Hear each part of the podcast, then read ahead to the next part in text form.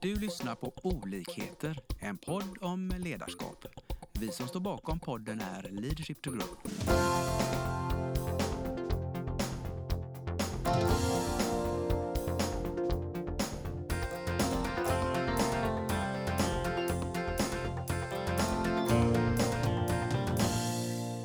Hejsan och välkomna till dagens podd. Idag så är det Lena, och Lena. ja, två Lenor idag, som ska prata om det trygga ledarskapet. Mm. Vad menar då vi med ett tryggt ledarskap? Ja, det är ju en bra fråga att ställa sig. Men det gäller ju att som ledare vara trygg i sig själv och, och ha koll på, på sitt eget beteende, eh, tänker jag mycket.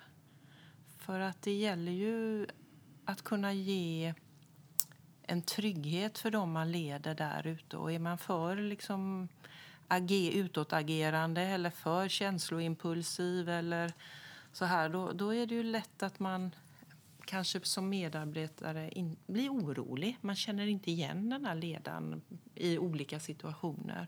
Därför är det ju viktigt att ledarna har ett tryggt ledarskap. Det känns ju... Eh, det låter väldigt skönt Ja. eh, med tryggt ledarskap. Eller hur? Vad, vad brukar man eh, säga att en person har för karaktärsdrag om man är en trygg ledare? Ja, men lite grundförutsättningarna det är ju att ha en positiv syn på saker och ting. Eh, Att vara möjlighetsorienterad. Sen har man ju då när man har liksom lyssnat in och undersökt och forskat i det här så är ju en framgång också att vara duktig på att lyssna. Liksom. För att lyssna skapar ju en trygghet här eh, som medarbetare att jag har en ledare som lyssnar på mig. Och i det här lyssnandet skapar man ju ett engagemang och en stark empatisk förmåga då. Eh, att jag hör inte bara vad du säger utan jag lyssnar vad det är du säger. Och sen så handlar det ju naturligtvis också att man kan skapa ett, eh, en delaktighet. Att få folk med sig är ju några viktiga karaktärsdrag. Vad, ehm, vad mer tänker du omkring en person som Jo, är... Jo, och sen bygger det ju på också att man har ett hyfsat starkt självförtroende. Och när vi pratar om starkt självförtroende så pratar vi inte om ett starkt ego utan eh, ett starkt självförtroende och ett starkt eh, stark eh, självkänsla innebär ju att man har koll på sig själv. Att man vet vilka styrkor man har men man vet också vad man kanske inte är så bra på. Och målar inte upp en bild om att jag är bra på det här också utan faktiskt kan eh, ja, visa sig sårbar. Jag brukar säga att den starkaste människan är den som vågar visa sig mest sårbar och svag. Det är de starka människorna. Det är väl intressant. Eh, det där, hur tror du att det är vanligt i ledarskapet? Ja, men jag tror att man kan träna upp det där och liksom eh, jobba med det. Eh, men jag tror ibland att många människor eller många le duktiga ledare de kan inte sätta ord, de bara har det i sig. Men kan man hjälpa dem att sätta ord på det så kan de använda sig det, av det ännu mycket mer. Då. För vad som också är viktigt tror jag i det här med med självförtroende och självkänsla det är ju också att man har en stark kompass, då, sin, sin starka värderingar och, och våga stå för det. För det är också en viktig del att man vågar ha sina ståndpunkter. För det skapar ju också en tydlig integritet. Jag är ingen ledare som vänder kappan efter vinden utan ni som medarbetare, ni vet vad ni har mig. Eh, Men där är ju viktigt också när man jobbar med sig själv i sitt ledarskap med det då, det är också att inse då att ibland behöver man flytta på sig. Att man kanske inte... Om man då har ett, en stark kompass så är det inte säkert att den kompassen jag har stämmer med den som företaget har där och då. Eh, och, och då för att verkligen visa att man är en ledare och med stark integritet då ka- kanske man ibland måste kliva åt sidan. Och det är ju en, eh, eh, men en utmaning att våga göra det. Eh, att faktiskt kliva av en roll, bara, inte bara för, utan för att den stämmer inte med det jag tänker och tycker. Mm. Och där och då kan det ju vara jättejobbigt, men jag ja. brukar säga att man kan inte gå emot sin egen kompass eh, över en längre period. Så att man mm. måste känna sig trygg i det. Och, och, och, och, har man en stark kompass och inser vad den betyder för en och vad det får för konsekvenser, då blir jag också trygg i mitt ledarskap. Mm. Det låter som du säger att eh, ja, man behöver känna sig själv. Precis. Eh, och att man eventuellt behöver vara öppen för att eh, även jobba med sig själv kanske. Ja, absolut. Och pratar vi om de här karaktärsdragen och det här självinsikten och självförtroendet och sådär så är det ju faktiskt så att eh, det här är faktiskt grund, grundsaker som alla människor har i sig mer eller mindre. Eh, så att det är ju inte så som många tror att man föds till en ledare. Eh, man kan faktiskt träna på att bli en bra ledare. Vad skönt. Visst är det. ja, det är det verkligen. Att tänka att man har de här egenskaperna. Man kanske inte har utvecklat alla sidor av sig själv Precis. i den eh, riktningen. Eh, som är mest önskvärt i just ett ledarskap. Mm. Exempel. Nej, men, och det är väl det ofta vi möter på tycker jag när vi träffar Eh, både duktiga ledare men faktiskt också de som vill bli ledare men kanske inte tycker att de är där ännu. Jag vet många kunder jag haft under åren som liksom oh, de har satt mig som chef och ledare. Jag vet inte om det är det jag jobbar med. Liksom. Ja, men brukar jag säga då, men då är det väl en sak som vi gör tillsammans i den här resan.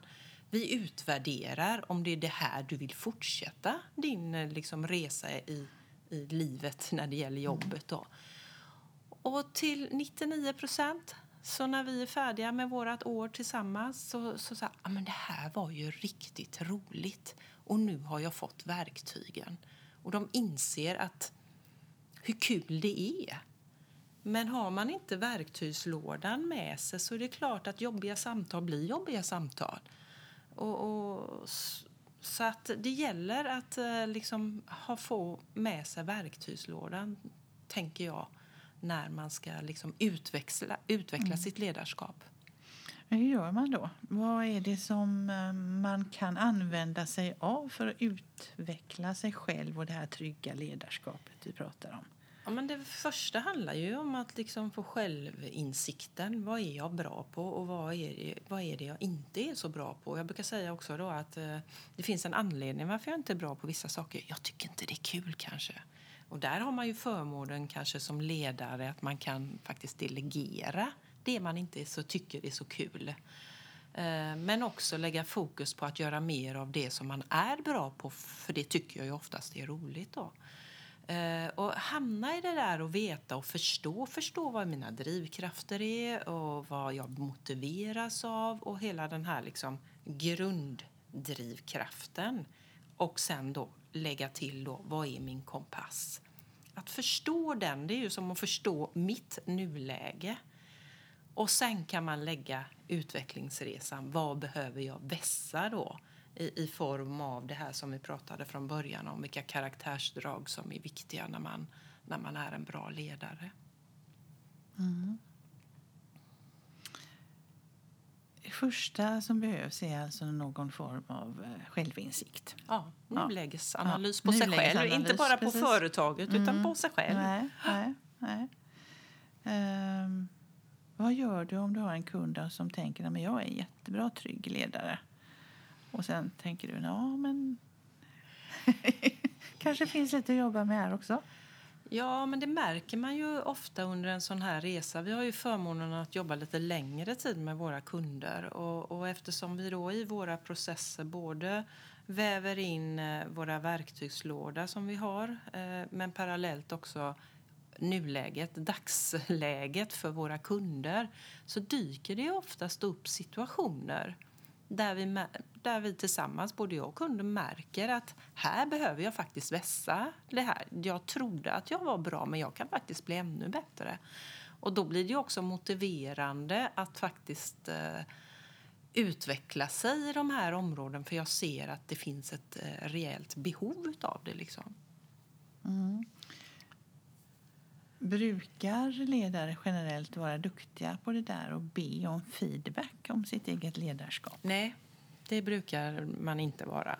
Eh, och, och, det är ett bra tips där som jag brukar säga. Det handlar ju också både feedback på sitt ledarskap men många gånger kan det också handla om feedback på när jag framför saker och ting. Då brukar jag säga hitta någon som du, du har förtroende för. Det behöver inte vara din, någon medarbetare. Det kan ju vara en kollega i ledningsgruppen eller någon annan som, men som du känner eh, har tillit till. Och be den ibland att den eh, Eh, ger dig feedback på olika situationer. Eh, eh, att liksom, ja men nu ska jag hålla i det här ledningsgruppsmötet. Kan inte vi sätta av en tid, en kopp kaffe efter så kan du ge mig lite feedback vad jag gjorde bra eller vad du tycker att jag kan skruva på. Liksom. Och då blir det ju inte så farligt att be om feedback eh, om man har någon som man har tillit och förtroende till. Liksom. Mm. Jag tänker, det är ju inte lätt att utvärdera sitt eget ledarskap. Nej, men det, gäller ju också, för det, det, kan man ju också göra i... För, för jag tänker alla utvecklingssamtal och alla mallar som man har fått sett över tiden där. Där är ju den frågan, vad tycker du om mig som din chef eller din ledare? Liksom. Men det räcker ju inte att eh, få det en eller två gånger om året. Utan det handlar ju om att eh, ja, löpande be om feedback. Eh, och där är vi olika människor. En del människor behöver det mer än andra, eh, att få feedback. Liksom. Och jag vet många ledare kanske då i Alltså så här, det, finns, det är ingen värdering i det, men eh, om vi säger höga chefer organisatoriskt då, som tycker att de inte får ifrån sin styrelseordförande eller från sin vd eller någonting. Och då blir det liksom katten på råttan att nej men då kan inte jag ge det till någon annan heller. Men då får man ju vända på det och gå till sin vd. Du, hur tycker du att de här månaden har gått? Levererar jag det du förväntar mig, dig av mig? för att skapa den där feedbackkulturen är en bra sätt att göra det på. Mm, mm. Det tror jag. För det finns ju eh. en del människor, och eh, det kan man ju skratta åt då, men ett bra exempel då är att jag sa ju till dig att jag älskade när vi gifte oss. Och har jag sagt något annat sen dess så är det det som gäller. så har jag ja, inte sagt att jag inte är nöjd mm. så är jag naturligtvis mm. nöjd. Mm. Men det är inte den kulturen vi vill ha. Vi vill ju faktiskt att vi kan, eh, oavsett om det förväntas eller inte, få en klapp på axeln mm. emellanåt. Det mm. behöver vi. Alla vill be, bli bekräftade. Eh, det är en grund...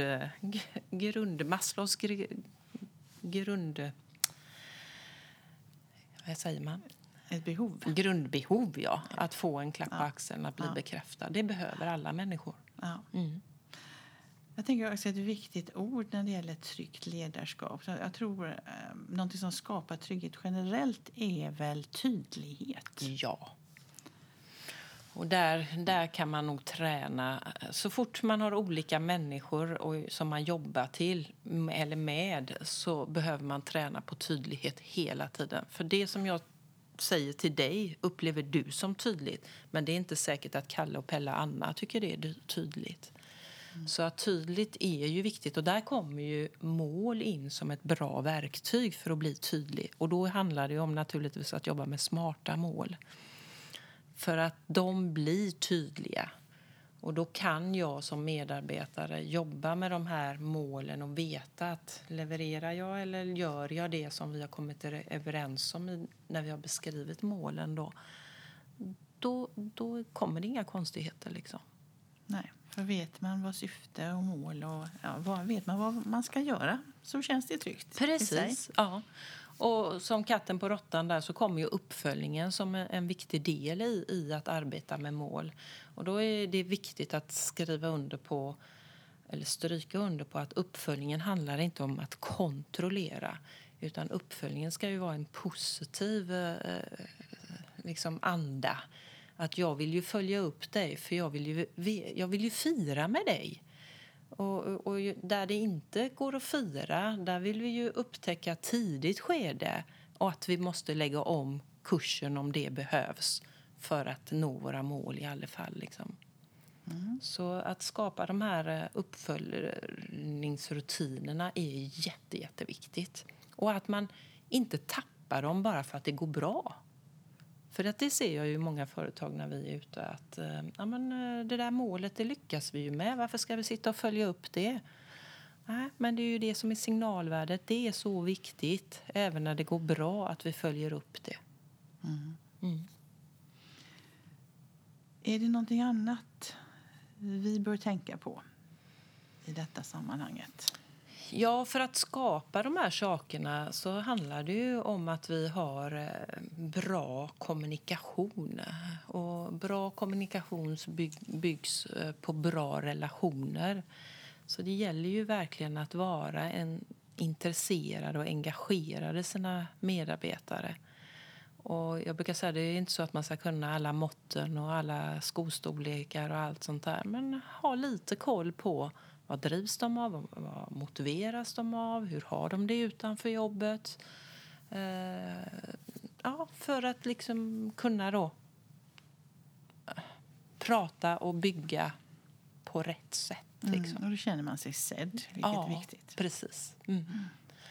Men, men till syvende och sist, då, det trygga ledarskapet eh, är ju då att eh, det stora är inte att vara antingen det ena eller, eller det andra. Utan det handlar ju om att vara sig själv. Och vara sig själv med både mina fördelar och mina nackdelar och mina styrkor och svagheter. Men utgångsläget är ju att eh, förstå hur jag är och hur jag uppfattas för att sen utvecklas utifrån det. Tack, Lena. Tack för idag. Vi hoppas att vi har väckt tankar om hur du kan utveckla och stärka ditt personliga ledarskap. Följ oss gärna på våra sociala medier där vi heter Leadership to Grow. Om du vill ha mer inspiration och verktyg, gå in på vår hemsida leadershiptogrow.com. Tack för att du lyssnar.